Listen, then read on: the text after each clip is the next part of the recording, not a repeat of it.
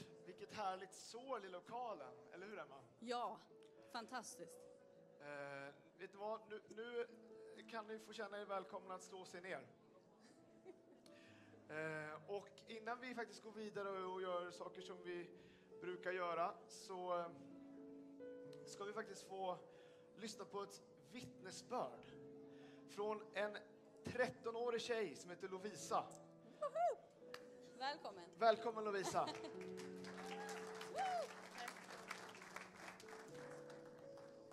Hallå, hallå, funkar den här? Okej.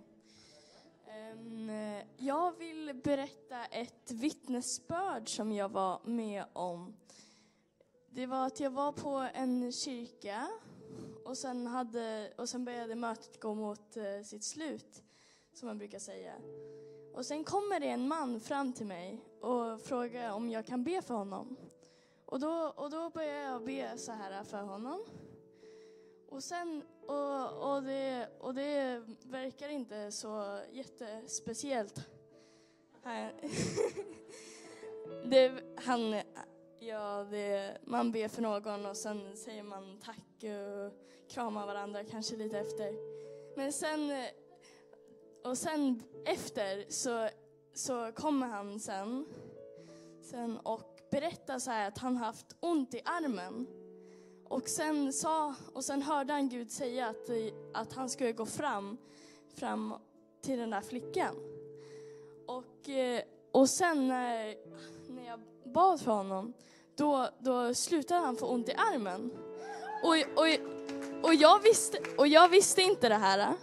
Och jag bad inte ens att bli, äh, jag ber i Jesu namn att du ska bli helad i din arm. Jag bad också för andra, jag bad typ för andra saker och det. Eh, och det var jag, men, men eh, Gud, eh, Gud bara, nej du ska bli helad. Även om jag, även om jag inte ber exakt för det där som, som han har. Och det är typ bara, och, och det kändes inte som bara kraft flödar över och, och, den, och man ligger på golvet och det här bara, det, det, det är typ som bara man ber för någon vanligt. Vanligt och sen bara oj, han blev helad från någonting som jag inte ens visste att han hade. Ja, och det är typ bara, han, han använder vem han vill. Även om vi kanske inte gör exakt som han vill, men han använder oss ändå. Stanna kvar Lovisa om du vill säga mer. Jag måste bara säga det, för han berättade, det var i Sundsvall i fredags, det här hände. Och mannen kom fram till mig och sa att han hade kronisk smärta i armen en längre tid. Och att det var så illa nu så liksom, han hade svårt med allting med armen. Och hans fru hade sagt att nu måste du till sjukhuset, du måste, måste få läkare som kan undersöka dig för det är allvarligt. Och då upplever han i mötet att Gud säger till honom, gå över till den här unga tjejen så ska du bli helad. Och det är bara så fantastiskt. Det är bara... Och jag, och jag, och det, det är så fantastiskt att Gud gör vad han vill genom vem han vill. Och, och att jag inte ens och jag ba, och att jag inte ens bad specifikt för det. Jag, jag kände inte sådär äh, stark grej bara okej okay, du ska be för den, den här mannen och be att han blir helad i armen. Jag, jag kände inte det. Så det är bara wow, Gud, Gud gör saker även om man inte ens märker det. Underbart! Ja, det där var ju värt en applåd. Tänk vad Gud är god. Verkligen. Och eh, förutom att du kan känna dig uppmuntrad att Gud kan använda vem som helst, så visst är det också bara uppmuntrande att se att vi har 13-åringar med på team. Och eh, att Gud har gjort saker i Sundsvall, han har gjort saker här hos oss igår och han kommer göra saker här också idag. Så bara låt din förväntan bara öka. Yes. Exakt, yes. Men nu ska vi göra något som vi brukar göra på en gudstjänst. Eh, vi ska ta upp kollekt. Och vi tänkte så här, det här med kollekt, det kan ju så vara något som du verkligen fattar varför vi gör det, för att du liksom är uppvuxen i kyrkan. Eller så är du uppvuxen i kyrkan och du fattar fortfarande inte varför vi gör det. Eh, men Emma, du blev så att säga kristen i vuxen ålder. Ja. Hur har det liksom varit för dig, den här resan med, liksom, med att, att ge till Gud i kyrkan? Liksom? Alltså, Det var inte helt lätt, för då kom jag till kyrkan och så i den församling jag var i, där, eh, ja men, ja men det var precis som här, kollekten var i början av mötet, ursäkta. Men jag förstod liksom inte varför ska vi göra det här? Ja men nej, jag har inga, jag har inga kontanter med mig, så nej men jag ger inte idag eller, ja det fanns ju swish och jag bara, äh, nej, kände väl inte riktigt för det. Så och jag fattade aldrig riktigt. Så att en dag, då skrev jag faktiskt till församlings, eh, någon församlingsledare och frågade om både kollekt och tionde. Jag bara, men varför måste vi göra det här? Um, det är bra att ställa frågor om man undrar. Exakt. Ja, ja. Jag ställer frågor. Mm. Varför gör vi så här? Och så får man svar tillbaka. Så jag fick ett långt svar tillbaka. Men det där svaret hjälpte ju inte mig att med ett rent hjärta och med ett hjärta för att vilja ge. Alltså, det gav mig svar på frågorna. Men det måste ju komma från en övertygelse om att jag vill ge tillbaka till Gud för allt han har gett för, till mig. Amen. Eh, och att liksom leva i eh, en slags... Eh, jag kom på ordet här nere, men nu har jag tappat det. Men att bara vilja, med Gud, du har mitt liv. Överlåtelse. Överlåtelse. Exakt. Tjänar jag, tjänar jag Gud eller tjänar jag mina pengar? Litar jag på att Gud kommer göra det han vill göra med de, de få kronor jag ger i kollekt eller när jag ger i tionde? Litar jag på att Gud är stor nog att göra något av det? Och litar jag på att Gud kommer ta hand om mig? Kommer han ta hand om mig även fast jag ger kanske de sista kronorna jag har den här månaden? Så den, alltså den övertygelsen fick jag. Och då då kan vi börja ge.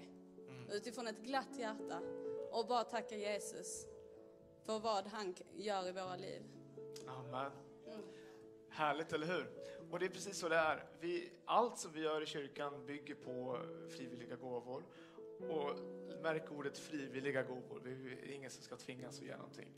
Men ge det du har i ditt hjärta att du vill ge. Eh, så ger vi till Gud och till hans verk. Yes. Ehm, så eh, ja, vi tänkte bara att det här var ett sätt att vi alla befinner sig på olika platser vid sin vandring med Jesus och bara tänkte vi kunde säga någonting om att det kan få vara en resa att få mogna fram också i dig så att du gör någonting utifrån där du befinner dig och liksom jämför dig inte med andra utan ge från, det, från dina förutsättningar och från ditt hjärta. Du kan ge via Swish, eh, finns här på skyltarna. Eh, och du kan även ge kontant om du vill. Eh, Henrik här har en, har en, eh, en korg. Men vi bara tackar Jesus för den här gåvan och så ska vi sen fortsätta sjunga en lovsång och sen så släpper vi fram pastor Daniel Sten och ett gäng upp efter det. Jesus, vi tackar dig att allt handlar om dig. Återigen Jesus, vi tackar dig för att vi får ge tillbaka till dig av glatt hjärta. För att vi har överlåtit våra liv till dig. Tack för att du välsignar var och en här inne. Tack att du tar emot varenda gåva och du förökar och låter det få bli till välsignelse för ditt rikes utbredande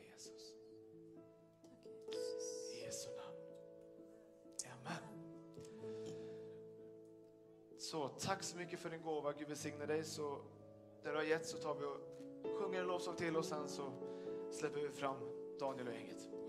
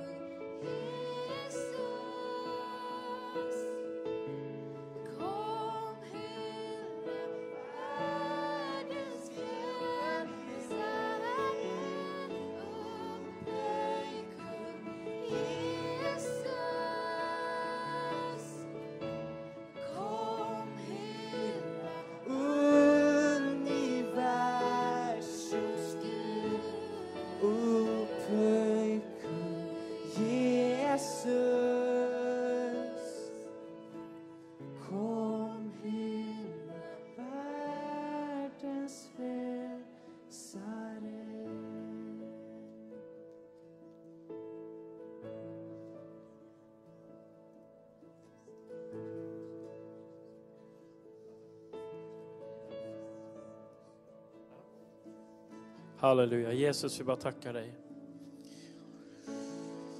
För att det är inget öga sett och det är inget öra hört.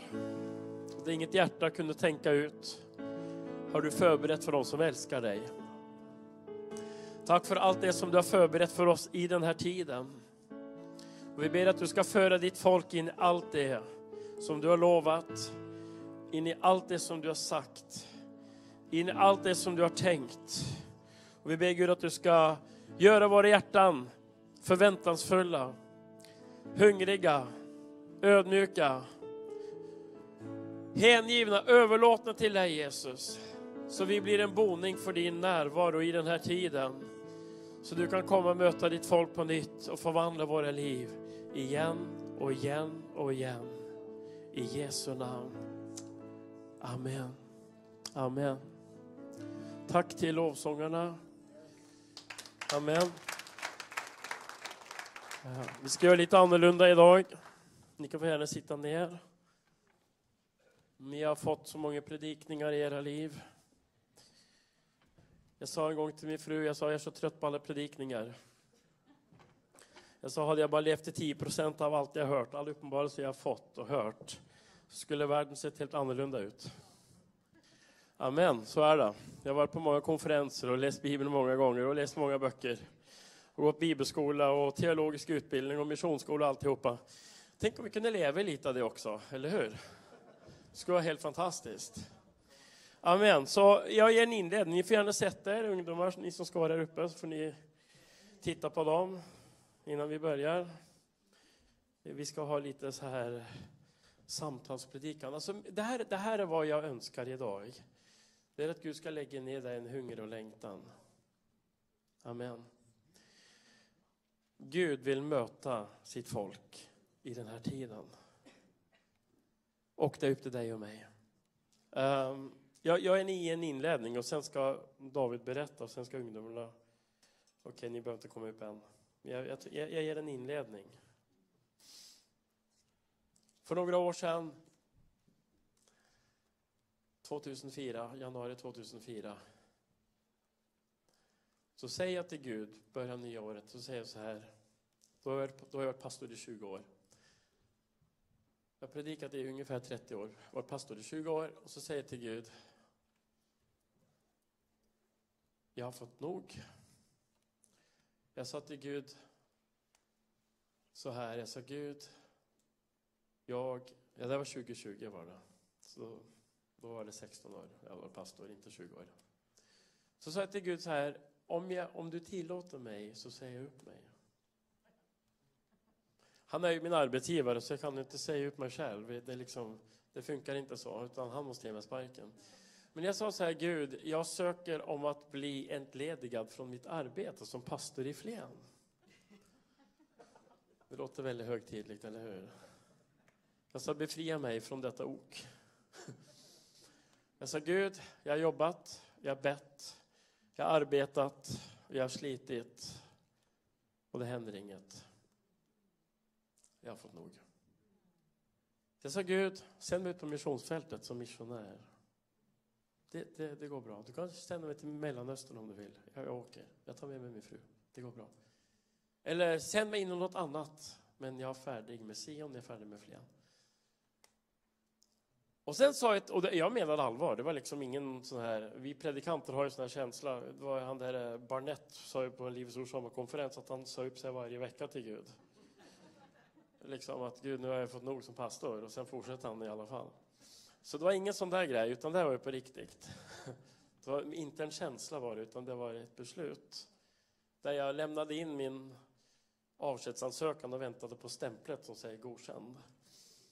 Um, och eh, jag sa till min fru, Emily, eh, jag vill bara informera att från och med nu så har jag bett Gud om att bli löst från den här tjänsten och från Flen. Jag vill härifrån. Jag har fått nog. Och veckan efter faller den heliga Ande över våra ungdomar. Pingstdagen 2.0. Jag, när det här händer, våra ungdomar i timmar profeterar och gråter, ber för varandra, blir förlösta i nådegåvorna, blir befriade från alla möjliga skräp i sina liv, möter Gud stärkt. Tuffa killarna bara står och gråter och profeterar över varandra. Och jag går runt i smyg och filmar det här. Då säger Gud, jag drar tillbaka min uppsägning. Jag kan gärna stanna tio år till åtminstone. Och så går jag hem till min fru. Ja, hon låg såklart och sov, för det här var ju på morgontimmarna. Men på morgonen när hon vaknar så säger jag, Emily, vet du vad som hände igår?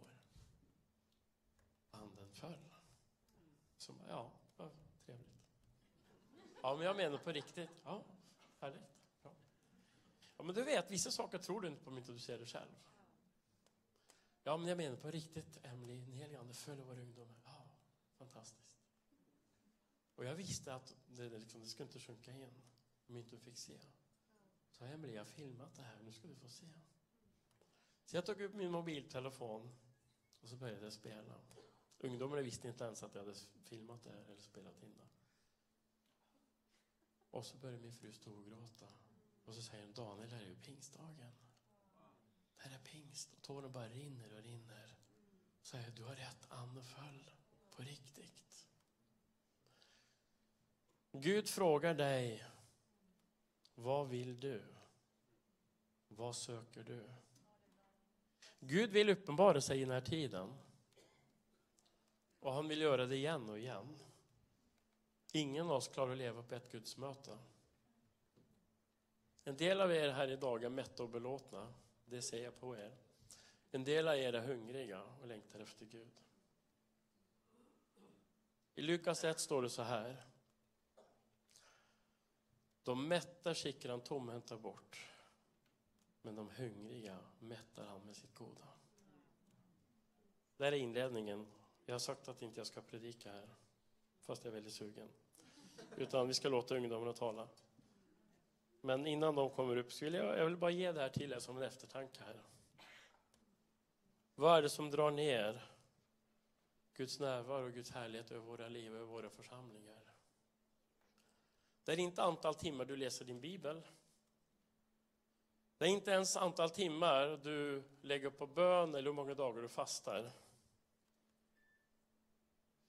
Det är inte alla goda gärningar du gör eller hur mycket pengar du ger i kollekten.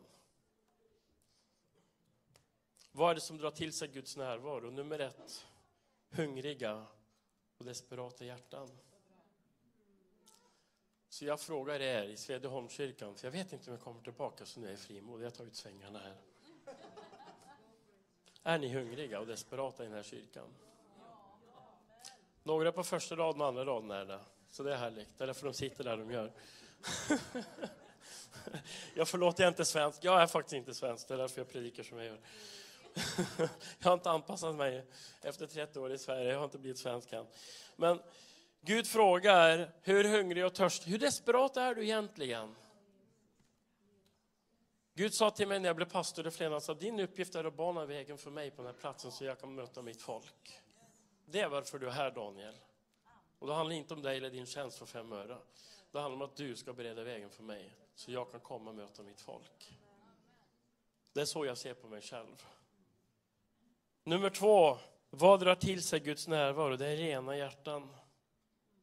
Det tredje, fattiga hjärtan, saliga de fattiga anden. De tillhör himmelriket.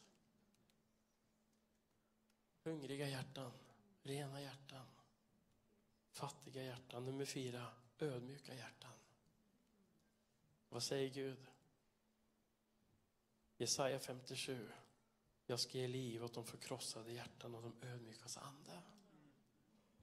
Vad innebär det då?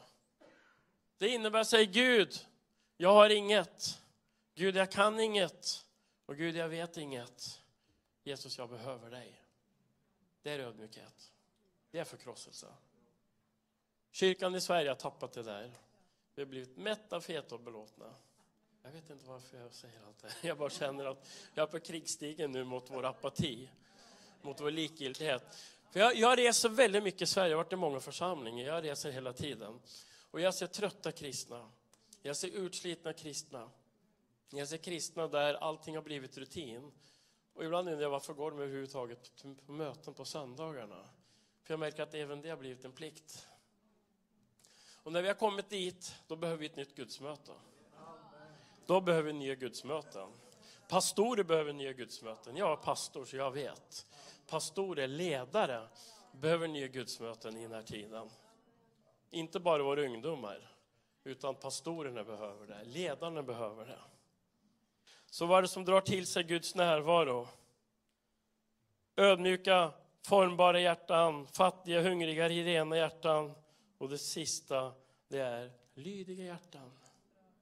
Herre, här är jag. Sänd mig, använd mig. Det är frukten av förkrosselsen i våra liv. Gud, mitt liv, jag ger det till dig. Och det behöver vi göra många gånger. Ja, Daniel, jag gjorde 1964 på en ungdomsläger någonstans i Östergötland. Och då gav jag mitt hjärta till Gud. Vet du vad, det här är någonting vi behöver göra varenda dag. Amen. Halleluja. Tack Jesus. Jag är här för att vara jobbig. Du vet. Ja, men allvarligt. Jag blev frälst som 19-åring som en avfällig pastorsson. Som växte upp i kyrkan och hade läst Bibeln massor med gånger. Jag kunde Bibeln, jag kunde massor bibelvers, hundratals vers utan till. Jag hade gått på alla möten, gick i kyrkan varenda söndag och levde ett liv utan Gud i alla fall. Jag möter pastorer över hela Sverige vars barn inte går med Gud, så jag ser det överallt. Så det att gå i kyrkan hjälper ingen om inte du har fått ett möte med Jesus. Och vi behöver det på nytt i den här tiden. Så om du är trött, om du är sliten, om Bibeln är tråkig, om du tycker du får dra dig till bönemöten, om du tycker det är svårt att dela Jesus med andra, då behöver du ett nytt möte med Jesus. Amen. Vi backar bandet några år. Jag sitter med min ungdomsgrupp och säger nu ska ni vara helt ärliga med mig. För min ungdom är ärliga, de vuxna är inte det, men ungdomen är det. Så jag sa, nu ska ni vara ärliga med mig.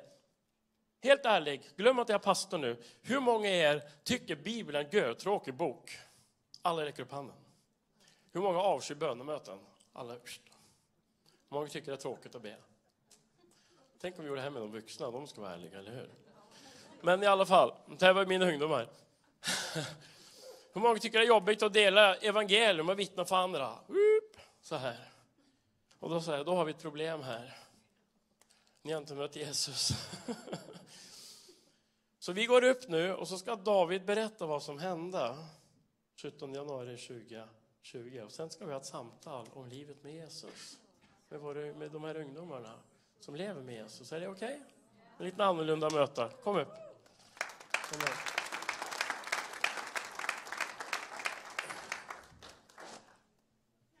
Alltså, David vill inte sitta ensam här. Eh, David, som sitter närmast mig, han fick förbön innan mötet. Han har faktiskt feber och är förkyld.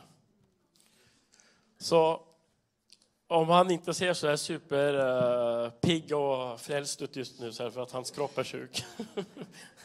Men han har det jättebra. Amen. Jag, jag, sa, jag sa faktiskt till honom, du får gå ner och lägga dig ned och vila, sa jag till honom. Du behöver inte vara här uppe. Men han sa, jag vill vara med. Amen. Så jag är glad att du är här David. Kan du berätta vad som hände så lägger jag ner mikrofonen. Ja, um, som Daniel sa så var det en viss speciell situation eh, inom vår ungdomsgrupp, inom kyrkan. Det finns en anledning till att man inte vill fortsätta som pastor. så egentligen så har Daniel lagt ner sitt liv för oss ungdomar sen vi var väldigt små. Sen kanske vi var tio år gamla många, så har vi blivit tränade i Guds ord, i att dela evangelium, att be för sjuka sen vi var väldigt små. Jag tror att jag kanske var 11 år första gången i Västerås bland massa knarkare och annat, mitt i natten, som Daniel drog ut mig. var, då vi var ute och bad för människor och vi fick se helanden och annat. Så vi började tidigt. Um, egentligen. Men grejen är så här, att vi kanske blev tränade i hur man skulle göra och så vidare. Men det som fattades i mitt liv, det var det som Daniel pratade om, mötet med Jesus själv. Den helige Ande. Um, för det blev väldigt mycket, okej, okay, jag, jag har förståelse här inne. Men jag behöver ande och sanning. Um, men mitt personliga vittnesbörd till det här, och egentligen många av oss andra i ungdomsgruppen, eh, mådde väldigt dåligt. Vi kan säga hösten 2019. Där. Vi, vi var i, i, ett läge där ingen av oss egentligen gick med Gud. Um, om vi var i kyrkan så levde vi dubbelliv, nästan allihopa av oss. Um, vilket man ofta kan se i ungdomsgrupper, kommer dit för sina vänner och sen på fritiden springer bort och gör annat. Um, och jag minns tydligt hur jag hamnade i en situation själv tills jag kom till den punkten där jag bara var så desperat, så förkrossad att jag bad enkel bön, Gud hjälp mig. Jag var så desperat efter, efter hjälp. Um, då jag hade varit hos psykologer och, och, och annat eh, som inte hjälpte mig faktiskt. Um, jag, det var en mörk period i mitt liv och jag tror i många andras liv. Men så kom dagen, jag tror det var en vecka efter som jag bad Gud hjälp mig. Så, så hade vi bönemöte. Um, ehm, för, för ofta i början av åren i vår församling så, så ber vi för, för året, vilket ni också gör säkert. Um, och då så bad de utifrån Joel 2.28 om att jag ska utgjuta min ande över allt kött. Unga ska profetera och de äldre ska se syner. Och det var det, var det liksom huvudfokuset um, kring bönen. Och jag vet att de hade skickat ut att okej, okay, nu på fredag så har vi ungdomsmöte. Um, kom 19.00. Uh, eh, då var vi där på bönemöte också med resten av församlingen. Och jag minns att jag personligen kom dit uh, och hade en tanke av okej okay, Gud, idag är dagen, du måste göra någonting. Men så gick det här bönemötet och det var väl som alla andra bön bönemöten. Ingenting hände. Det var bara liksom lovsång. Och jag satt helt bara, vad är det här? Gud, du skulle ju möta mig. Men så minns jag hur vi samlades efter, vi ungdomar. Och så frågade Daniel oss, um, okej, okay, hur ser ett böneliv ut? Vilka här har bett i över 30 minuter sträck, en kvart, en timme? Och jag vet att vi tittade på honom som om han vore galen. Han bara, tänka be i en timme i sträck, är du galen? Det är ju tråkigt att be. ja, hjälp. Så, så, så det var det han talade om. Bön och vad som händer. Um, sen så hade vi det mötet och jag vet att resten, för vi har en övervåning um, i, i vår kyrka och där är det soffor och annat och det är där vi brukar fika och äta och ha gemenskap. Och eh, då minns jag hur resten, allihopa, eh, gick upp men att jag av någon anledning stannade kvar där nere för jag kände att det eh, det är inte färdigt. Um, och så kom det några afrikanska bröder som brukar ha nattbön.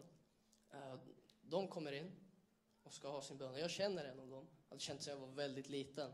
Um, men jag bara ur ett desperat hjärta kommer fram till honom.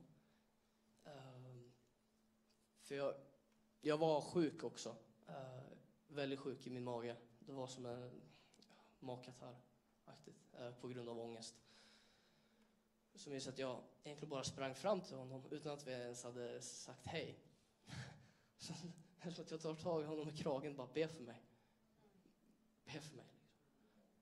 Ur ett desperat hjärta. Och han var så här, yes, okej, jag hämtar Abraham. så då hämtade han sin vän. Och jag, jag märkte att så fort han klev in och jag stod där med, med två män. Då var det som att någonting skiftade i hela atmosfären. Och sa okej, vad är det här för någonting? Uh, han var pizzabagare, den här. Enkel, enkla män. Uh, och det som händer är att han kommer fram till mig och han säger David, det som kommer hända nu, det är bara Gud. Och så ska han uh, lägga sin hand på min panna och börja be. Uh, och jag har tidigare i mitt liv haft negativa erfarenheter kring många etiopier som ber för en. Där det är oftast att de knuffar ner en eller puttar och håller på sådär. Um, så jag har under hela mitt liv egentligen sagt att jag ska stå fast. Ingen får putta mig. Aldrig. Eh, så jag har, jag, har tvi- jag har tvivlat lite på att okej, det, där, eh, det där är inte sant. Liksom. Men det som händer är att precis innan han nuddar eh, min panna när jag ska, när jag ska be så, så är det som att jag ser ett vitt sken framför mig. Och jag ligger ner pladask på backen. Och jag var chockad. Men jag märker att någonting började hända i mig. Att jag blev fylld av den här friden, av kärleken, ehm, närvaron av den helige Ande på ett sånt djupt och starkt sätt som jag inte tidigare hade upplevt. Ehm, och jag bara, jag vill bara ligga här nere för alltid. Men jag reser mig upp, min bror kommer in och säger, vad är det som händer här egentligen? Samma sak hände med honom. Ehm, och sen så går han upp liksom, till de andra och fikar och säger åh, oh, vi bara, vi fick möta Gud där nere. Liksom. Och så, så satt han och fortsatte fika med dem. Men jag tänkte bara, för jag kände att det var som att det skakade i hela atmosfären, det var som jordbävning. Av den helige Ande som bara, David, spring upp, säg till de andra att de ska komma ner hit för jag vill göra någonting.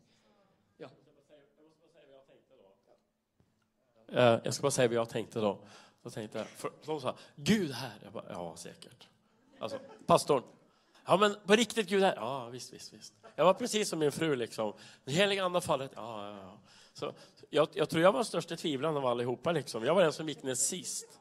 Vadå Gud är här? Vi har ju precis varit där nere liksom. Skulle vara annorlunda nu liksom när pizzabagaren är här. Men... så, så jag var den som gick sist och jag gick motvilligt för att ungdomen gick ner liksom nyfikna. Vadå Gud är här liksom? Ja, fortsätt. Precis. Så jag, jag springer upp där och ropar Gud är här. Men till slut, trots detta, så fick jag ner allihopa. Och eh, eh, vi har en B-sal och en A-sal i, vår, i vår kyrka och då är det en så här dörr eh, in till B-salen. Och jag minns att jag går in och jag försöker få med mig allihopa men alla stannar. precis vid dörringången och bara tittar helt förskräckt. Vad är det som händer här? Uh, vad är det som försiggår? Och ingen vågade gå in. Jag bara, men kom! Uh, och till slut så kommer en i taget fram. Jag minns att den första, eh, en god vän till mig, som jag aldrig har sett eh, verkligen ropa eller gråta. Knappt hört tala i tungor. Något sånt. Han kommer in. Och så när jag ska börja be för den här, ehm, den här personen då, så hör jag bakom mig. Och då var det en av männen, han säger David, det är inte du, det är Gud. Och då var det som att någonting skiftade hos mig. Bara, okej. Så jag lägger min hand på honom. Boom! Han faller ner, alltså ropar ut för att han gråter så mycket. Börjar tala i tungor. Där nere. Nästa kommer in, samma sak händer. Och till slut var det som dominobrickor. Varenda en ligger nere på backen av den helige Andes kraft. Och det var så, och jag har, jag har fått se mycket, jag har fått uppleva en del innan på läger och annat, fått möta Gud en liten tår. Men det var så otroligt starkt om hur, om hur var och en bara brast ut i gråt. Eh, jag vet folk fick tungotal för första gången. Där. Aldrig eh, haft det tidigare.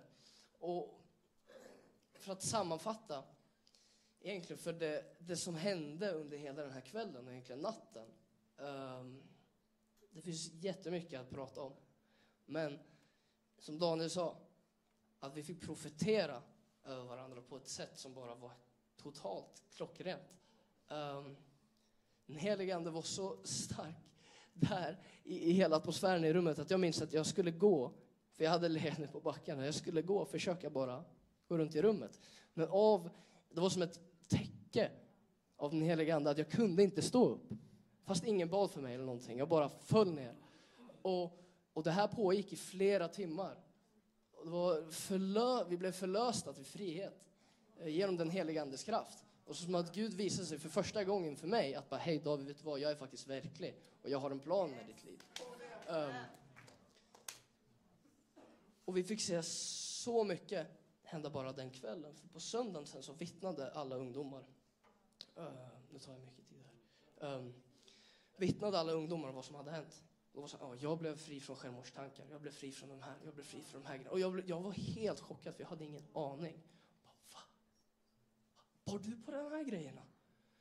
Um, om hur var och en verkligen blev sannerligen fria. Och, och det fick vi se där. Det, det var saker som hände som jag aldrig trodde jag skulle få se ens, eh, till exempel min bästa vän eh, göra. Alltså gråta eller bara dansa. Och bara i total frihet.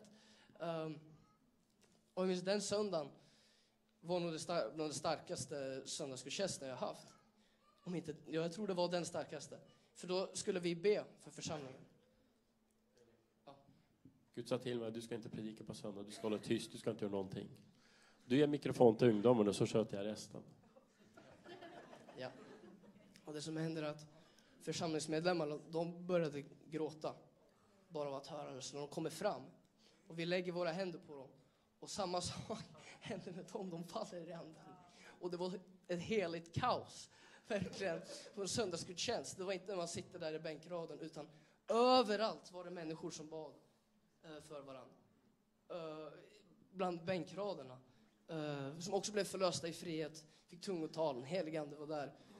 Människor kom fram, det var någon som var döv på ena örat, om inte båda, men som fick hörseln tillbaka.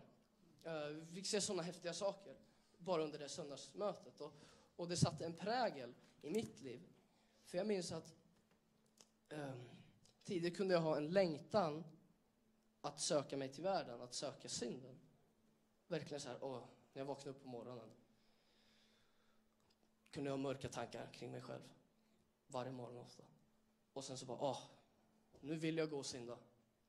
För att kunna hålla mig uppe vid vattenytan. Men jag minns att efter det här så väcktes det en längtan. Att okej, nu har jag fått uppleva det här. Gud, vem är du? Så, så, så jag började läsa Guds ord.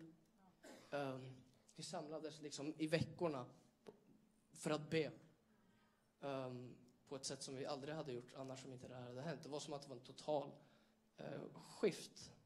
Jag bryter in igen där. Alltså det var helt otroligt. De här, ja, nu har vi kallat, de kallat till spontana bönemöte i ungdomsgruppen. Jag bara, ja, vi ska be ett par timmar här, ett par timmar. Bara, och så skulle jag, vill de att jag ska med på allting. Jag känner, nu blir det för mycket bön. Alltså, jag känner, jag hänger inte med nu. Nu brinner de mer än mig här. Men det var liksom, det var bön på kvällen utanför skolan och det var bön hit och dit. Och det var, det var bara bön, bön, bön. Jag tänker, de har inte tid med läxor eller någonting annat nu, för de ska bara be hela tiden. Och det var ju de samma som avskydde bön och hatade bön, för att säga det rakt ut. Och nu vill de bara be. Och jag delade det igår om hur man blir fylld av den heliga Ande blir man fylld av frimodighet. Fick dela Jesus. Jag, förr ville, ja, jag ville dölja att jag var kristen. Men sen Gud verkligen hade gjort någonting uh, så kunde jag inte låta bli, och vart jag än var, att dela Jesus. Jag vet att min lärare, när hon såg mig komma in måndagen, som var David, vad har hänt med dig? Ditt ansikte lyser. Uh, och det var sådana häftiga saker vi fick se. Och, och det är som att Gud han visade mig, han visade oss, att det här har jag för er och det är så här jag vill att ni ska leva era liv. Um, och det här med att um, vi kämpar inte mot kött och blod blev så verkligt för mig. För jag kunde få tankar, jag kunde få saker och ting i efterhand som bara, okej, det här är inte från Gud. Men då kunde vi bära varandra um, genom att sända bibelverser. Och så vann vi striden. Genom ordet. Um, och, och det är som att jag tittar tillbaka nu och bara, oj, jag saknar det där det är så otroligt verkligt att det bara inte är ord. För det är lätt att man hamnar där till slut. Att det bara blir ord. Men att bara, wow, det är levande. Det är verkligt. Det förvandlar liv. Så de senaste fyra åren, nu så har vi bara fått resa runt i Sverige och få, få dela och få sprida elden.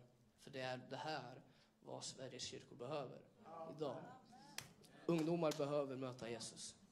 De behöver ett möte med den helige Ande. Det blir annars, det blir bara dött.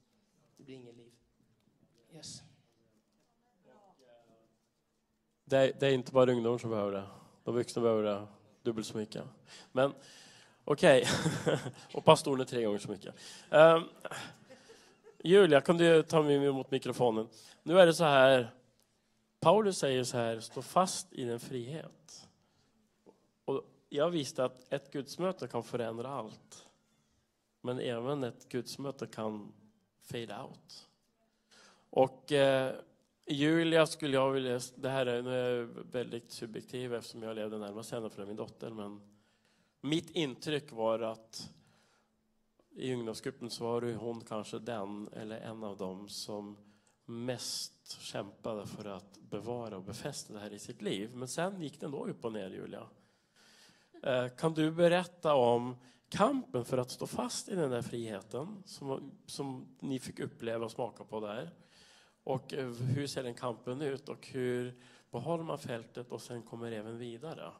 Därför att man kan inte leva på en upplevelse. Jag såg ju i ungdomsgruppen de som levde på det här men som inte själv började ta tag i sitt eget liv med Jesus och bygga det systematiskt efteråt. De blev svagare och svagare och svagare. Och sen hade vi några som Julia som jag såg blev starkare och starkare. Stängde sig in i sitt rum med sin bibel och började söka Gud, läsa bibeln och be och verkligen fick sunda vanor i sitt liv. Så jag lämnar över till dig Julia. Var, var, det, en, var det en tydlig fråga? Okej, hur gjorde du för att bevara friheten och vad är det som kommer emot dig? Vad kommer emot oss när vi har fått den här gudsupplevelsen? Vad, hur vill fienden stjäla det här från våra liv? Ja, allt kommer emot oss. Jag tror att det var samma söndag som det här hände. Var det då han sa det där? Eh, då sa... Vad sa Eh, Det, det var en man som, som varnade oss. Han sa bara okej, när himlen öppnar sig så bryter helvetet lös. Ehm, ja. Precis, och det såg vi hända. Ehm, och bara... Det var så mycket... Ska man säga, så mycket mörker och skräp som försökte komma på oss efter det där. Eh, och bara ett exempel är typ, eh, vi har ju en kristen skola. Eh, och eh, jag minns att i början där när Guds ande hade fallit så fick vi sån nöd för skolan. Och liksom vi gick dit och bad, liksom, utan någon vuxen, vi, bara, vi ungdomar, vi gick dit och bad flera gånger. Och Guds ande föll också över skolan. Ni gick i skolan då. Eh, och de samlades liksom och bara talade tungor i korridorerna på skolan och parkeringen och alltså rasterna. Det var helt galet. Eh, och det var så mycket som vi fick på vårt hjärta. Men i det också så var det så sjuka saker som började hända där som aldrig hade hänt innan. Alltså det var så här, folk som skulle hoppa ut från fönster från skolan och de började liksom, det var folk som satt och liksom skar sig själva under lektionerna i klassrummen. Alltså så här, och folk som ville ta, alltså sånt mörker som kom in, så bara vad är det som händer? Alltså det var uppenbart att Satan bara kom så starkt. Eh, och eh, i vår grupp också så kunde vi se att eh, alltså vi, vi hade fått en upplevelse men det var, alltså vi visste inte helt hur vi skulle ha kvar det. Och en av de tidiga sakerna som hände tror jag var isolering. Att det här att vi samlades hela tiden, det började liksom dra ut mer och mer. Och eh, folk började dra sig undan mer och mer. Eh, och man började hålla sig mer och mer till sig själv. Och då eh, så kunde Satan komma in. Och jag tror att det som betyder mycket för mig eh, var det, dels var det alltså ensam, ensam med Jesus. Eh, Jesus hade börjat eh, bli verklig för mig ett halvår innan, för då hade jag, då jag flyttade hemifrån. Och då, eh, oj vad svårt det är att ta det här kort. Jag flyttade hemifrån och eh, då, eh, Jesus hade aldrig varit verklig för mig innan. Jag hade aldrig läst Bibeln själv, vad jag minns, eller någonting. Eh, sen flyttade jag hemifrån och eh, när jag var 15 och då eh, så i min ensamtid, jag var så mycket själv där, där jag bodde och då började jag söka Gud. Och jag vet inte riktigt varför om jag ska vara helt ärlig. Han gjorde någonting. Han la, han, jag hade en längtan i mig som jag hade haft hela mitt liv tror jag. Eh, och bara började läsa Bibeln själv och Gud började göra massa saker i mig. Eh, och tala till mig där i min ensamtid. Och jag fick liksom mitt tungotal där själv i mitt sovrum och det var så mycket som Gud gjorde själv innan som han hade börjat. Och sen med det här så, så blev det så mycket verkligare. Eh, och Jesus blev så verklig för mig och jag vet att tiden efter så, eh, så jag tror att det var corona då, nedstängning och jag bara gick ut liksom nästan varje dag. Jag hade en plats i skogen där det bara var jag och Jesus och jag gick dit eh, och jag bara skrev vad han sa och bara lär, alltså jag lärde mig att lyssna på honom. Och han så här fick tala om saker och det är så här, och direkt när Jesus kommer in i ens liv så behöver han börja rensa. Eh, och det var så mycket saker där som, han behövde, som jag behövde ge upp för att han skulle få ta plats i mitt liv. Så det var avgudar jag hade i mitt liv som jag behövde släppa. Det var oförlåtelse tog han tag i mig jättesnabbt i mitt liv. Okej, men det här har du inte förlåtit din pappa, här har du inte förlåtit det här och det här och därför finns det här det här i ditt liv. Och han liksom själavårdade mig själv utan att jag pratade med någon och liksom så här, tog tag i så mycket som behövde rensas ur mitt liv. Och jag tror att om det inte hade rensats ut, då hade mitt hjärta eh, varit hårt och jag hade inte kunnat gå med honom. Och sen andra saken var att Gud satte en vän i mitt liv. Eh, hon är inte här idag, Rebecka var här igår. Eh, som, eh, för jag hade aldrig, jag predikade igår om att leva i ljuset och jag hade aldrig gjort det i mitt liv. Jag hade alltid hållit allting till mig själv, vad det än var. Och nu satte Gud henne i mitt liv och för er som känner henne så ställer hon alltid frågor rakt in i ditt liv och ska veta allt. Eh, vilket var jättejobbigt för mig i början för jag visste inte hur man var öppen, jag visste ingenting om det. Men jag ser hur det var sån Guds nåd i mitt liv. Att jag behövde någon i mitt liv som, alltså så här, som såg igenom mig, som ställde frågor som jag var ärlig och öppen inför och rak. Och vi, vi var, behövde varandra under den tiden. Så i och med att Gud jobbade med oss båda två så mycket själva så hade vi varandra att prata med, att fråga ut. Och vi båda såg varandra. Okej, nu ser jag att du inte mår bra, nu ser jag att det är så här. Och liksom så här, kunde be för varandra. Och jag tror att det var det som gjorde att vi kunde hålla ut tillsammans. Att vi båda hade ett eget liv med Gud. Men att vi också var raka och ärliga för varandra och inte isolerade oss. Så det tror jag var det. Vi, behö vi, vi behöver varandra, vi kan inte köra solo. Även om vi har fått möta Jesus så behöver vi varandra, eller hur? Jag vill fråga dig, alltså, ingen av de här frågorna är de förberedda på, så jag, jag, jag sitter här bara och tänker hoppas de kan svara på frågan. Ehm, jag läste igår, Jesus lovade ju det, liksom. bekymra inte vad ni ska säga, ni får i samma stund, så jag litar på att det funkar här. Amos, jag känner din familj, och dina föräldrar. Um, och jag tänker på det här att skapa ett utrymme för Gud i familjen. Vad kan man som förälder göra? Och hur kan man, själv, alltså hur kan man som förälder, för jag vet att dina föräldrar gör det här, det är därför jag ställer dig frågan.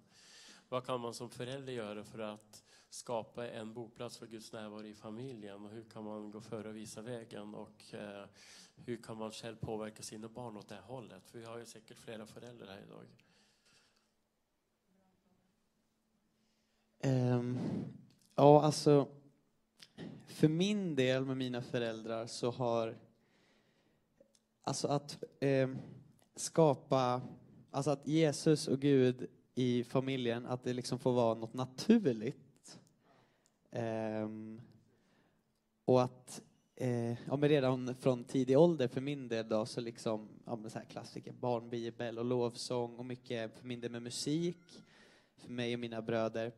Eh, men att det får vara en naturlig del i livet, men också ha, alltså de har legat på också lite och så här pushat liksom, ja men få med en kanske till kyrkan eller få med en, men nu ska vi be liksom, nu ska vi för det är som du säger, det är inte alltid roligast att be eller läsa Bibeln. Men att skapa en, eh, eller det var i alla fall jag upplever från personligt, skapa en, en, en naturlighet i Gud som en del av familjen och att han får vara med och eh, bära. Eh, ja, jag vet inte om jag... Har ni något mer att tillägga? Alltså, jag, jag, jag, en sak jag tänkte på, jag gav dig ingen hint, men varje gång jag är hemma hos dem, och jag tror inte det är bara när de har besökt dem gör det här, så vet jag alltid hur kvällen slutar. Då säger Jimmy och Lotta, ska vi inte ta tid och prisa Gud tillsammans? Jimmy tar fram sin gitarr, de sätter på sin tv och tar fram lovsången på den stora tv-skärmen. Sen samlas vi i deras vardagsrum och så tar vi tid att bara tillbe Jesus. Och så slutar det varenda gång vi är på besök hemma hos dem. Så jag försökte hinta lite in på det här, liksom, att bygga ett altare i hemmet där Guds närvaro kan komma ner. Bland annat genom lovsång och tillbedjan. Ja. Ja, det, det, var- det var ju bra. eh, men det när du väl säger det, det är väl något jag kanske inte har reflekterat över själv. Det kanske är för att det har blivit en naturlig grej helt enkelt. Eh, men ända sedan vi var små, alltså då pappa tar fram gitarren och vi har varit med och liksom spelat i lovsången. Eh, och att, som vi pratade om igår, att livet får vara en lovsång. Eh, så att, ja men verkligen, att, för det finns en sån eh, eh, en kraft i just lovsången och att få överlåta sig som, och det är något man behöver lära sig också, tror jag. Och det har blivit lite som en skola liksom, hemma, att man får öva sig i det. Eh, ja. Ja. Ja. För jag tänker så här, vi som föräldrar, vi måste skapa en miljö där Guds närvaro kommer in i våra hem. Där vi drar ner Guds närvaro i hemmet. Amen, tack! Säg det en gång till broder. alltså, ja men på riktigt, jag menar det här. Jag är förvånad. Jag, sk jag ska inte skuldbelägga någon här, jag vet ju inte hur du gör så du behöver, du behöver inte känna dig skuldbelagd. Men jag är förvånad över hur få kristna föräldrar ber med sina barn regelbundet. Jag skulle säga majoriteten av dem jag känner gör det i princip aldrig. Eh, och vi bestämde från tidig ålder att vi skulle be med våra barn varje kväll. Och vi ber som familj, gör vi fortfarande varje, varje dag, 20 dagar i veckan. Bara en sån grej, i vår familj är det naturligt att be. I vår familj är det naturligt att lovsjunga och lovprisa Gud. I vår familj så är det naturligt att vi delar med varandra vad Gud gör i våra liv. Eh, så jag delar vittnesbörd med mina barn. Alltså det jag pratar om nu är saker som drar till sig Gud i våra familjer, i vår omgivning. Du vet, jag skulle önska att det var så här, men det är inte så och det tycker jag är hemskt att det inte är så. Men jag skulle önska att det var så här att vi kan åka runt i olika församlingar och bara pang, nu ska du få ett gudsmöte och så fick folk det. Varför hände det den dagen? Jag satt där hemma och funderade, varför hände det just nu? Och jag har fortfarande inget svar. Var det hans desperation? Var det min desperation? Var det att vi hade haft bönenätter i hur många år som helst där vi ropade till Gud varje fredag, Gud kom ut ur din ande våra ungdomar? Var det att vi gick in i bön och fastade den där veckan och bad från Joel 2? Var det något annat? Var det pizzabagaren som var väldigt fylld av helig ande just då? Alltså jag har ingen aning. Jag vet inte. Jag vet bara att det hände. Och jag vet att vi hade hungriga och desperata hjärtan. Och jag vet att även om David var desperat den kvällen, men de flesta andra var ungdomar satt på det bönemötet och de bara satt och tänkte hoppas här snart tar slut. Jag vill inte sitta här för bön är tråkigt. Jag såg det på deras ansikten. De bara satt och gäspade. Vi vill härifrån. Liksom. Och sen kommer Gud i alla fall och möter dem fast de sitter och gäspar på bönemötet och inte vill vara där. Därför att någon annan var hungrig, någon annan stod i gapet och bad för dem, någon annan drog ner himlen över församlingen när de själva kanske inte gjorde det. Eller hur? Så vi kan alla vara med och bana en väg för Gud att besöka vår familj och vår församling. Det är lite det spåret jag försöker få in här på. Sidona, du får säga vad du vill. Jag kommer inte på någon bra fråga till dig. Kör. Ja, ja, jag tänker jag kan väl nämna lite om lägret. Eh, i somras hade vi ett läger som heter God Encounter som Ronak berättade lite om. Eh, och eh, under det sommarlovet eh, hade jag det otroligt kämpigt. Eh, jag har växt upp i en familj där kristendom inte, eller så här, att tro på Jesus inte har varit en självklarhet som det kanske har varit för eh, Amos, Julia och David. Eh, och eh, min mamma har alltid varit troende, men det har inte min pappa varit. Så det har alltid funnits ett hinder, har jag upplevt, mellan mig och Jesus. Eh, något som jag heller inte kan kontrollera, något jag inte kan ändra på. Eh, och detta har i mitt liv och under mina tonår skapat en otrolig bitterhet. Jag har varit väldigt sur på Jesus, väldigt sur på eh, mina relationer, allt. Alltså, mitt liv bara, har bara sugit. Jag har inte tyckt om det alls för att jag har varit så här, ja, jag kan inte kontrollera det här. Jesus har satt ett, en vägg mellan mig och honom som jag inte kan riva, en mur som jag inte kan förstöra. Eh, och ja, sommaren 2023 var inte nice, om man säger så. Så eh, sista kvällen då på lägret, då börjar lovsången. Lovsången börjar och eh, jag, jag vet inte, jag börjar skaka och jag kan inte sätta ord själv på vad som hände. Eh, och helt plötsligt så bara, jag ramlar. Jag ramlar och jag gråter. Och jag vet inte varför jag gråter. Men det som hände var att jag för första gången, eh, I surrendered, jag vet inte vad det är på svenska, jag gav upp. Jag släppte kontroll. Och jag släppte det jag bar på. Jag släppte det för att jag kände att det här är ingenting jag kommer kunna lösa. För det här har jag försökt lösa nu i flera år. Eh, men nu för första gången så ger jag upp. Eh, och jag, alltså jag lägger mig ner, Gud. Jag vet inte vad jag ska göra. Eh, så du får ta det här. Du får ta det här, för jag, jag vet inte vad jag ska göra. Så jag gråter och gråter och gråter. Och så till slut så hör jag en röst. Jag hör Jesus röst. Och han säger, jag är här och jag har alltid varit här. Och den rösten går på repris i fyra timmar. Och jag gråter. Eh, och folk kommer och ber för mig.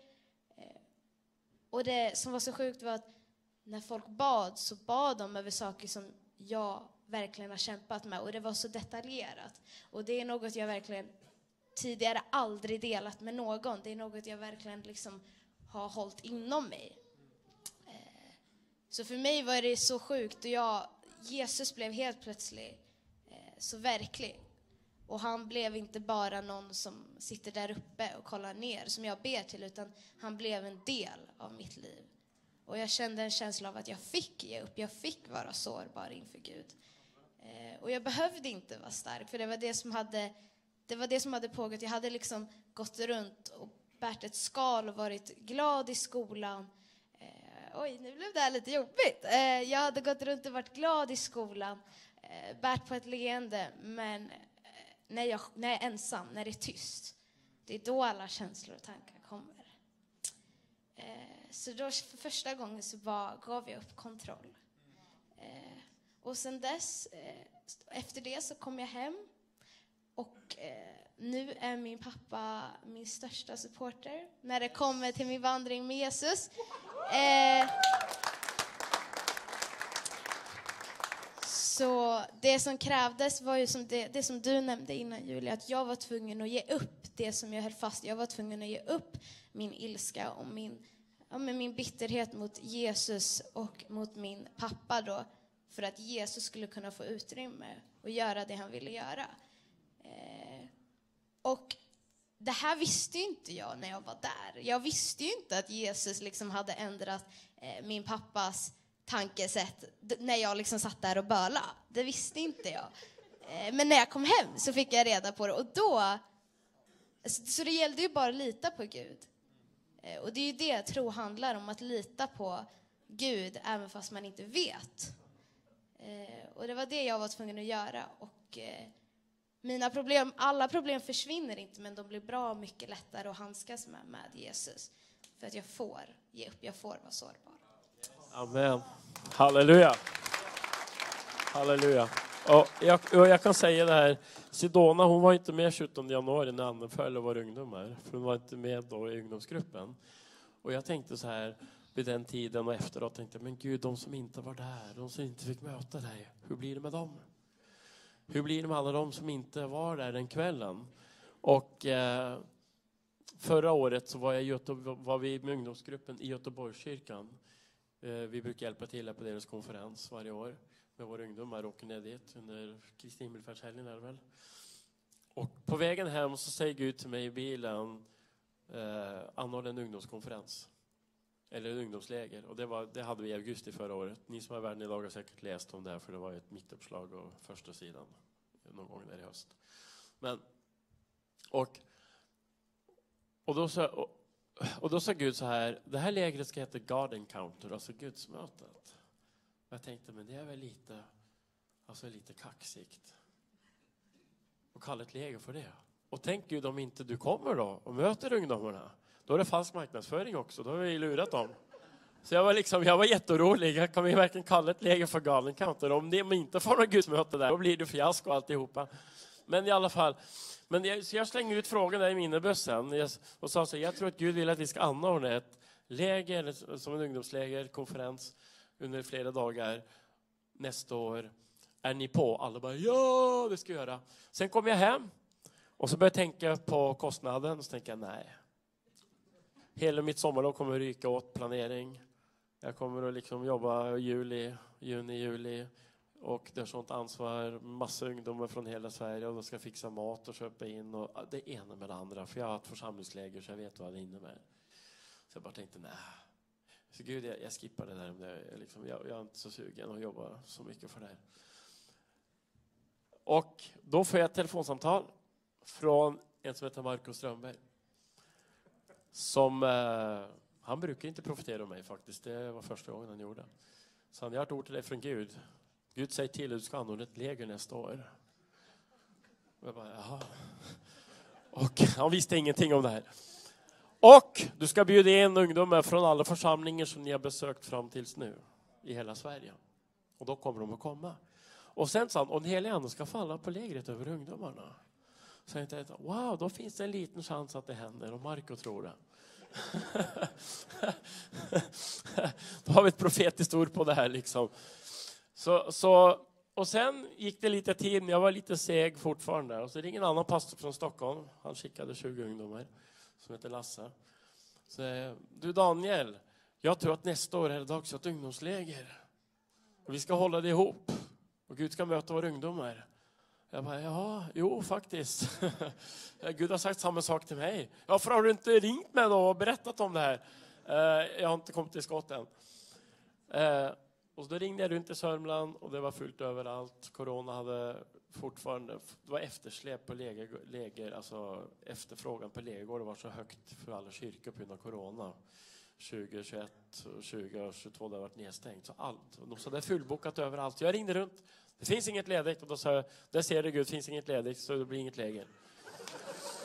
Då kunde jag ta sommarlov. Halleluja.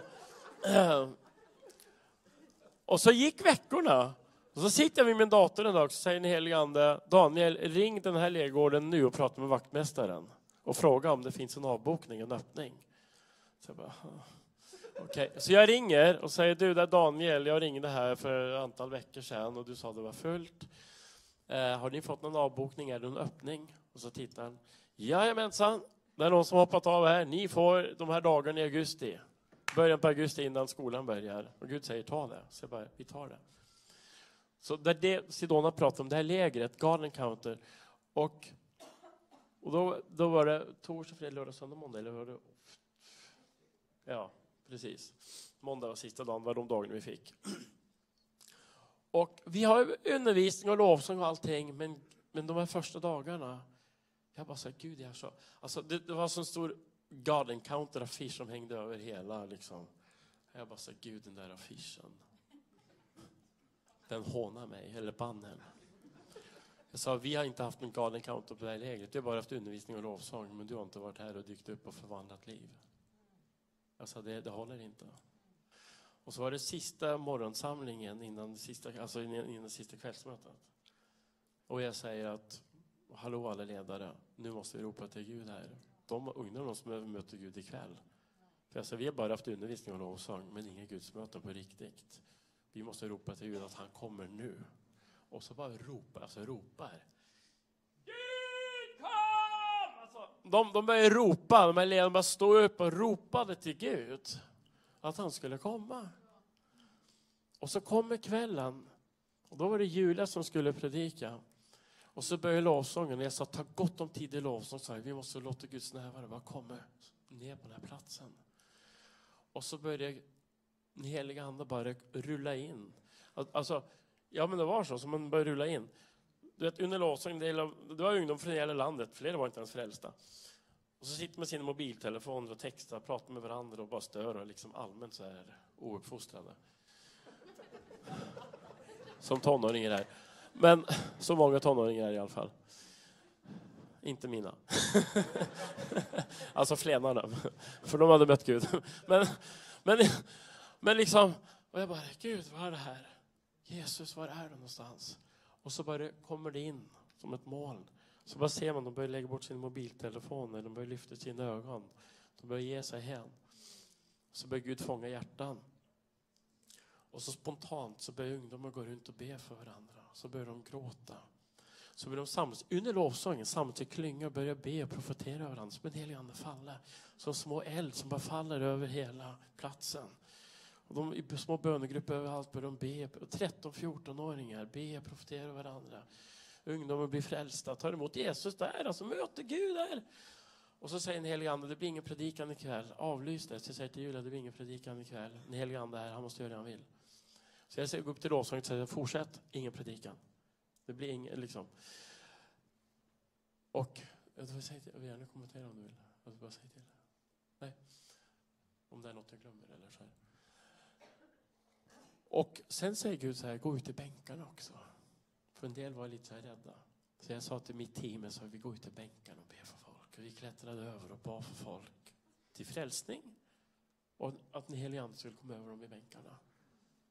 Och då såg jag Lovisa, 13-åriga Lovisa. Hur gammal var du då? Ett år sedan? Du var 12 eller? Du fick komma på läget i alla fall. Hon fick komma fast det var tonårsläger. Och hon går runt i bänkarna och börjar profetera över ungdomar som börjar gråta och möter Jesus. Jag bara, oj! Du använder en tolvåring. Jag bara, det blev så starkt. Jag bara, wow! Och till slut så är folk bara i stora klungor överallt och bara gråter och ber för varandra. Och talar ut frihet över varandra. Och ingen vill, alltså ingen, de i köket, de undrar varför kommer alla ungdomar till kvällsmaten? De kommer aldrig. Så jag, någon, någon sprang ut i köket och hämtade dem. Och de kom in, jag tror, jag vet inte, det var halv elva, elva någonting på kvällen. Och vi skulle ha ätit kvällsmat till tio eller halv tio. Det bara fortsätter och fortsätter, ingen vill avsluta det här. Och de bara ställer sig i dörren och så börjar de tårarna rinna och bara gråter. Och bara, heligande helig ande här. Så går ungdomarna bort, bort och ber för kökspersonal och profeterar över dem och de får möta Jesus. Det var så helig stund. Och jag bara, tack Gud, det blev som du sa. Det blev en galen counter. Amen. Amen. Om någon vill lägga till något får ni göra det, annars går vi in i eftermöten och så ska vi be för människor. Nej, då gör vi det. Om vi kan stå upp tillsammans. Så det här var, det var ett annorlunda möte. Ni får gärna ge en applåd till de här som delar delarna.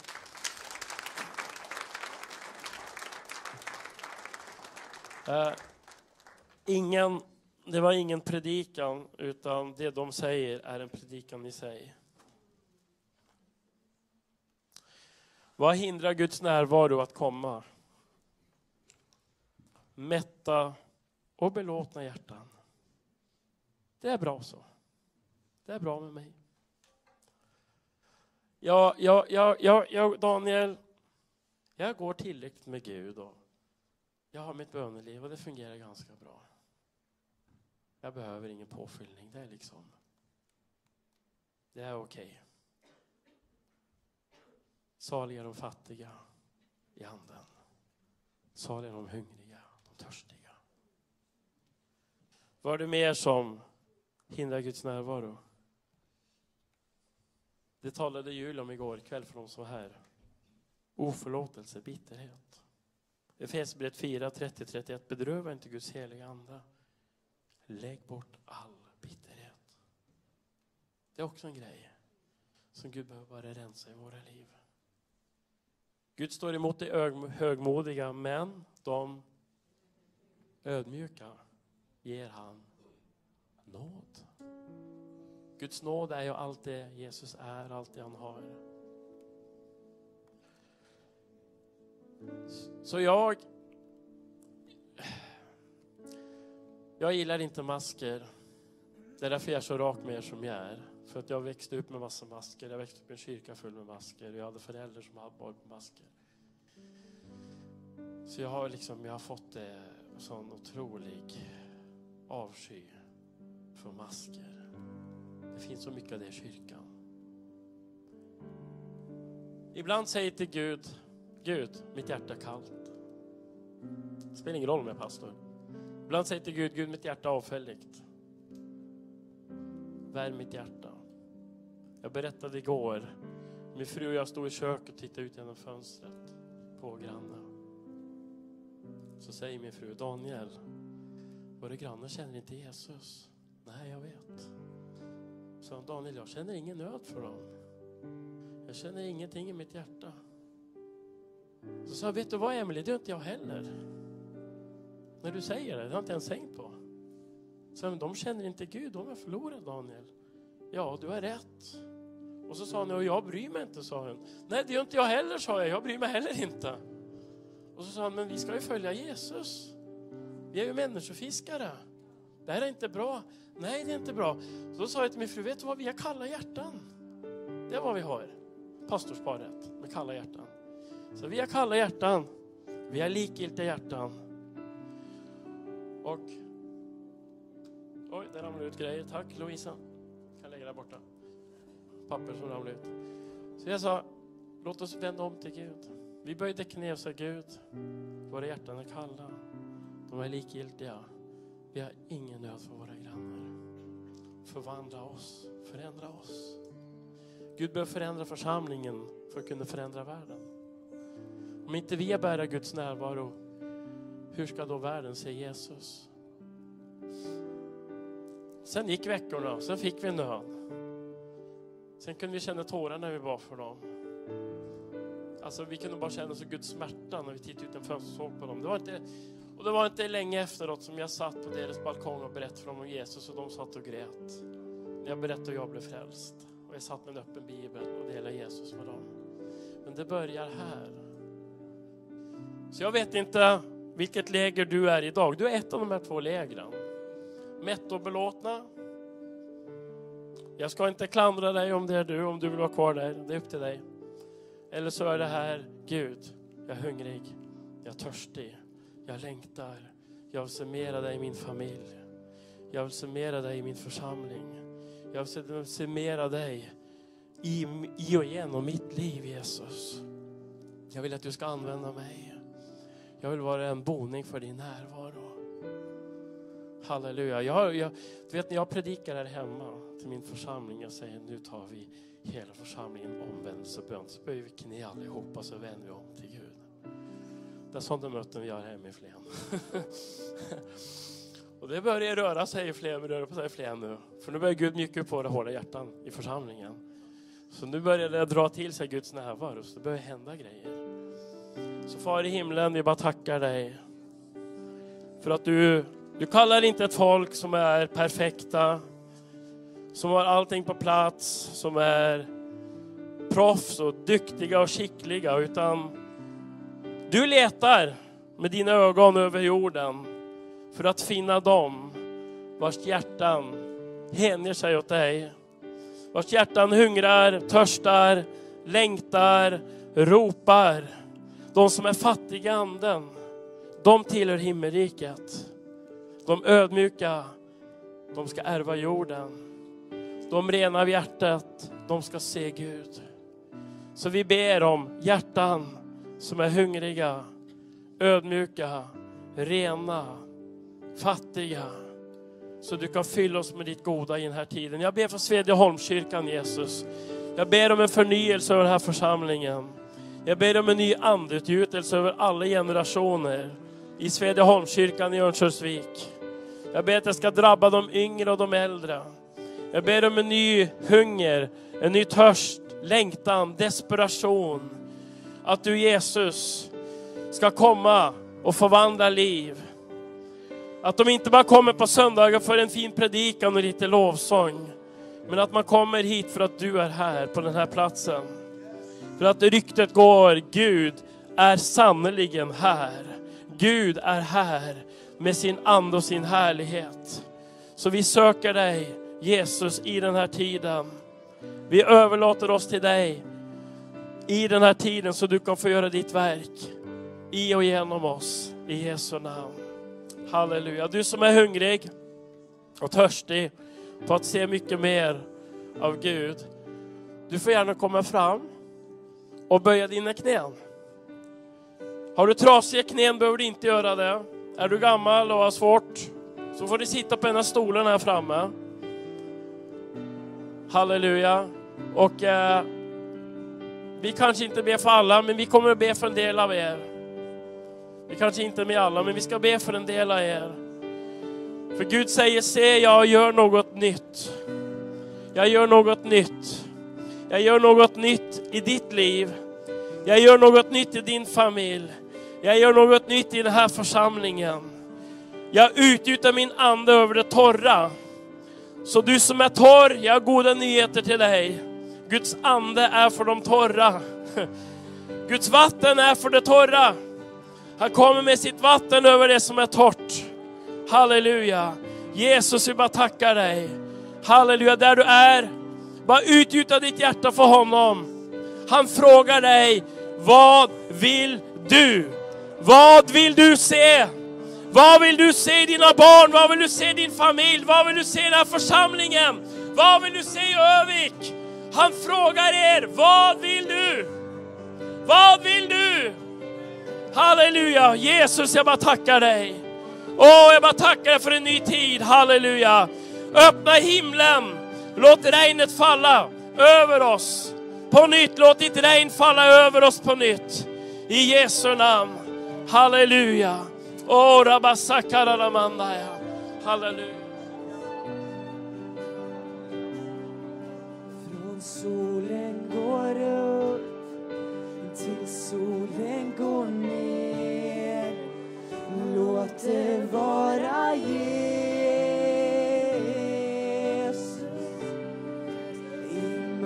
mörkaste natt. Ett namn lyser klart. Låt det vara Jesus. Från solen går upp till solen går ner. Låt det vara Jesus.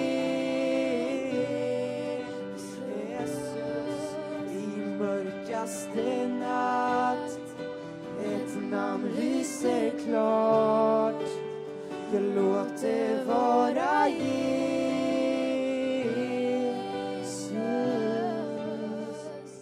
Världen har inget som jag söker. Bara Jesus. Jag behöver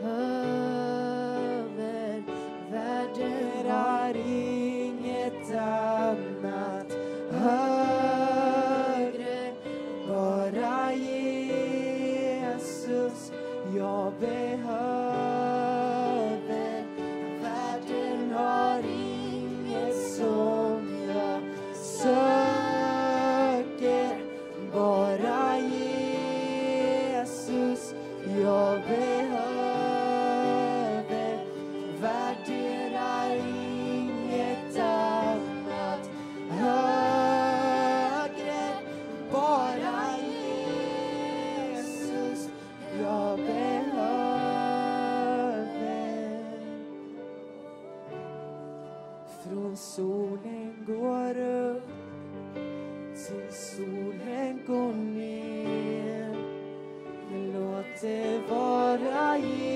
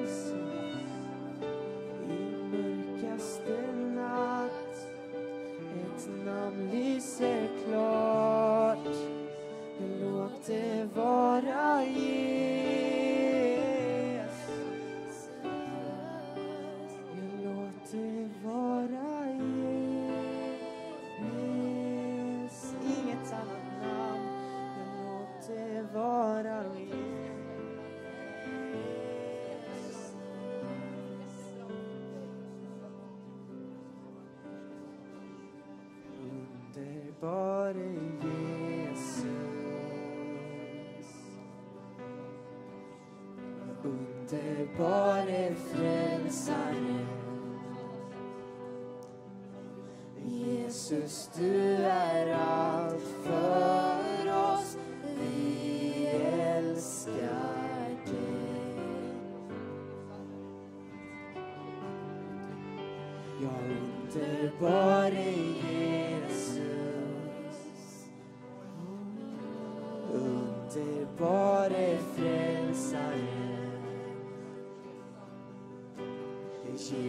still.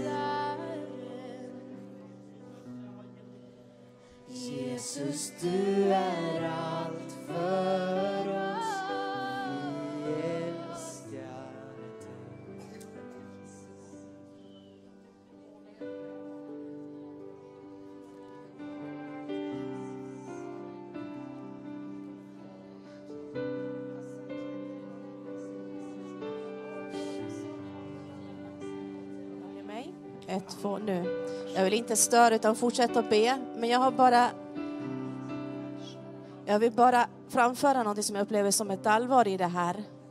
Vi ber om genombrott, vi ber om saker och ting. Och det är lite grann det vi har fått höra här. Men det är nyckelord som jag upplever att vi måste ta upp. Och det är förlåtelse. Och jag tror att det finns personer här som måste gå fram till personer och säga förlåt mig. Förlåt mig för det här. För det här kommer att vara ett genombrott för dig och ditt liv, men även faktiskt för saker och ting i församlingen. Så är det så att du känner att ah, det, här, det här måste jag verkligen ta itu med, gör det. Det kan vara här, men det kan också faktiskt vara någonting annat utanför. Våga göra det, för det är ett genombrott för dig och även för församlingen. Så jag ville bara framföra det.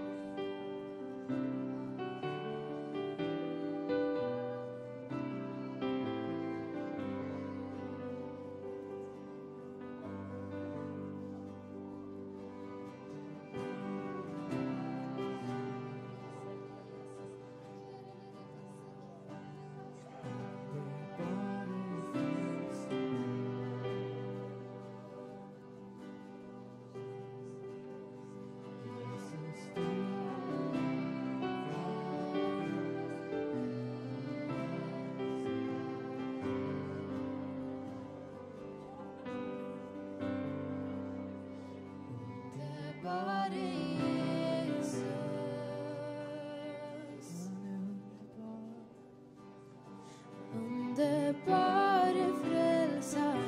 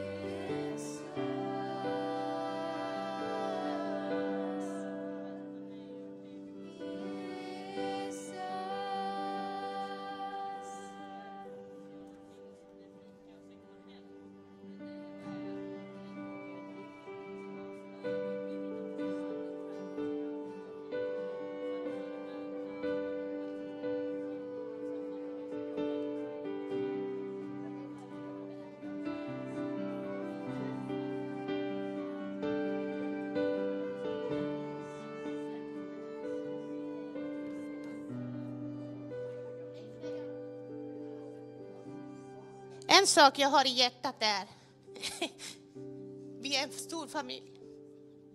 Guds familj och här är det stunden vi verkligen får komma och säga, vi är syskon. Gud är här med oss just nu och jag vill inte ingen här ska gå ut och säga, jag kom för första gången och ingen hälsade mig. Jag kände mig inte som familjen. Den här församlingen ska få kännas som... Jag kommer inte bara för att det är en församling. Jag kommer till familjen. Och Gud gör mycket här. Och Vi måste lära oss att säga, vet du vad? Jag älskar dig Kiki. Jag älskar dig. För Gud säger det varje gång. Närvaro, hans närvaro just här. Det är inte klar än. Han älskar er. Men mest, vi måste visa den här kärleken. Vi kan inte vara den, bara att komma in och sen går vi ut. Nej! Idag ska alla kramas. Idag ska ni känna verkligen Jesus kärleken. För han älskar oss så mycket. Och snart är det hjärtats dag nästa vecka. Och det här var den perfekta stunden för att säga till varandra. Vet ni vad? Ni är underbara. Vi visar idag världen vem vi är i Jesu namn. Så jag älskar er, hörni.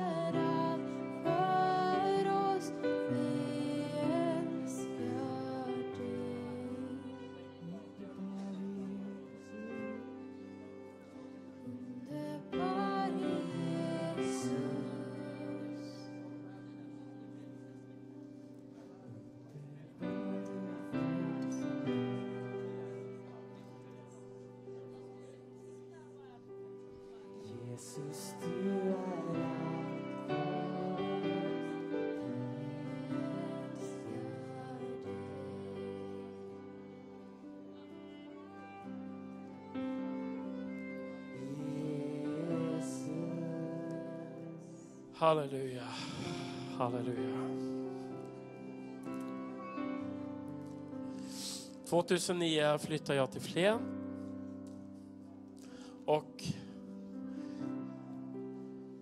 Tittar på en ungdomsgrupp där ingen av ungdomarna känner Jesus.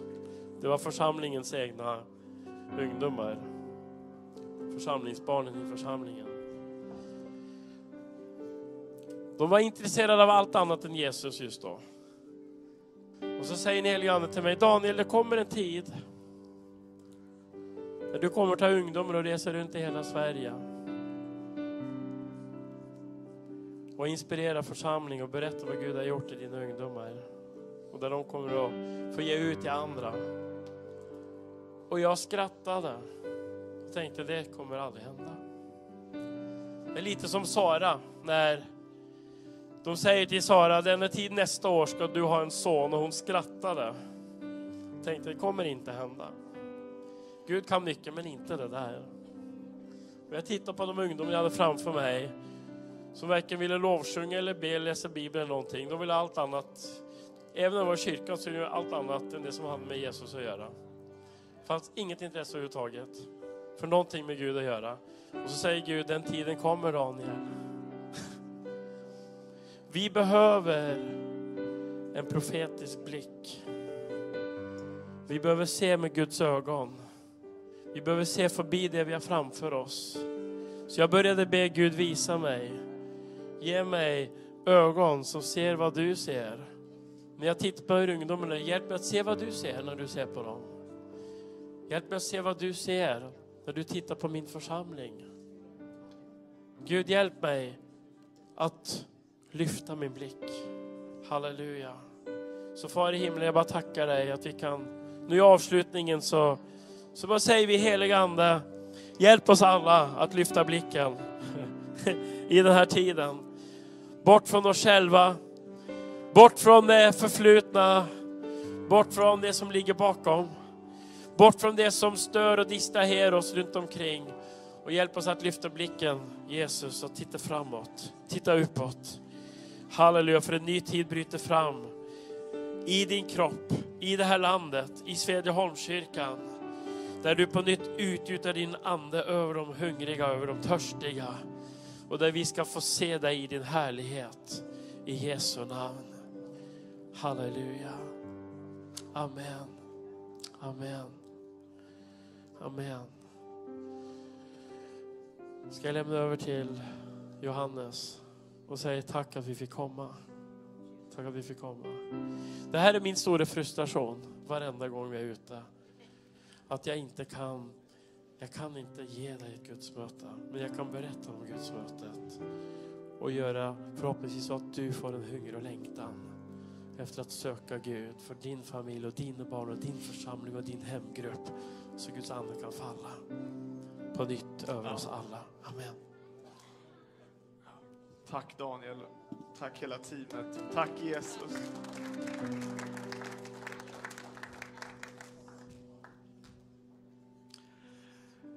Ja, tack. Vi är väldigt tacksamma, eller hur? Och vi ska ta vara på det här och ta det här vidare. Eh, vi behöver inte avrunda allt för skarpt. Vill du fortsätta vara kvar och söka Gud så känner dig verkligen välkommen att göra det. Eh, jag vill bara nämna att vi kommer starta någonting nytt på torsdagskvällar från och med nu på torsdag. Något som vi kallar för Next Step som är kvällar för ditt nästa steg med Jesus. Eh, som passar jättebra för dig, särskilt om du är lite ny i tron. Eh, eller om eh, du, du behöver få, få hjälp med din, komma igång med din vandring med Jesus. Men du får, är jättevälkommen. Oavsett hur länge du har vandrat med Jesus, om du vill komma och vara med, så välkommen. Vi kommer vara här torsdag klockan sex till halv åtta i det där rummet där borta. Vi vill också pålys... Hörs jag? Ja. Ja, jag hörs. Eh, Om det är fredag den 16 i andra eh, så har vi... Det är nu på fredag. Precis, då har vi en träff som kallas Uppdrag tillsammans. För ledare, men ledare, pastorer Och och företagare. företagare. Exakt. Alla i församlingen ska känna sig inkluderade och inbjudna till detta. Exakt. Så det är mellan 15 och- och 20 och eh, sista anmälningsdagen nu på tisdag. Så se till att anmäla er. Och vi får besök då av Jan Sturesson som kommer medverka och tala och så kommer även Frank Ådahl vara med och sjunga. Så det blir en väldigt härlig eftermiddag och kväll. Eh, varmt välkommen på det. Och Jan Sturesson kommer även tala till oss nästa söndag, eh, vilket vi ser fram emot. Men bara också bara nämna att vi har tidigare näm- haft i något brev om en tänkt träff för män på lördag som vi eh, har valt att planera på framtiden. Så att det är ingenting på lördag, men på fredag och söndag så har vi Jan Sturesson här. Eh, Och bara låt oss bära i våra hjärtan att om två veckor så har vi en ungdomskonferens som vi kallar för Higher. Vi tror att Guds vägar är högre för den här unga generationen. Och, och vi vill att den unga generationen i vår stad och i, i, i Norrland ska få det här. Eller hur? Låt oss bara bära detta. Och be, be och bjuda med eh, människor som du känner i din familj, i din omgivning, runt om i Norrland. Det, det här är platsen att vara Eh, den 23 till 25 februari. Vi får besök av Tom och Victoria Stig som i år igen. Det kommer bli jättehärligt. Och efter att mötet är slut så är ni välkomna ut för fika. Man kan köpa korv, ha mer gemenskap tillsammans. Eh, Jag vill även berätta att om det är någon här som önskar mer förbön eller så, så finns bönerummet här till höger öppet. Sen är det bara lite detalj Ja. med välja korven. Så är det så att fram till vår Tjeckienresa så låter vi all, alla korv i försäljning stötta Tjeckienresan. Så köp en korv och stötta Tjeckien. Bra, tack Johannes. Amen. Men eh, vi, vi, vi ska, eh, som sagt, du får gärna dröja kvar här, men vi vill ändå bara eh, tala ut Herrens välsignelse över dig eh, så att vi kan få gå i frid. Herren välsigne dig och bevare dig. Herren låter sitt ansikte lysa över dig och vara dig nådig. Herren vänder sitt ansikte till dig och giver dig frid. I Faderns, Sonens och den helige Andes namn. Amen. Så då går vi i detta. I hans närvaro, hans välsignelse, hans frid. Återigen, tack, tack fler att ni kom. Tack att alla som har varit här.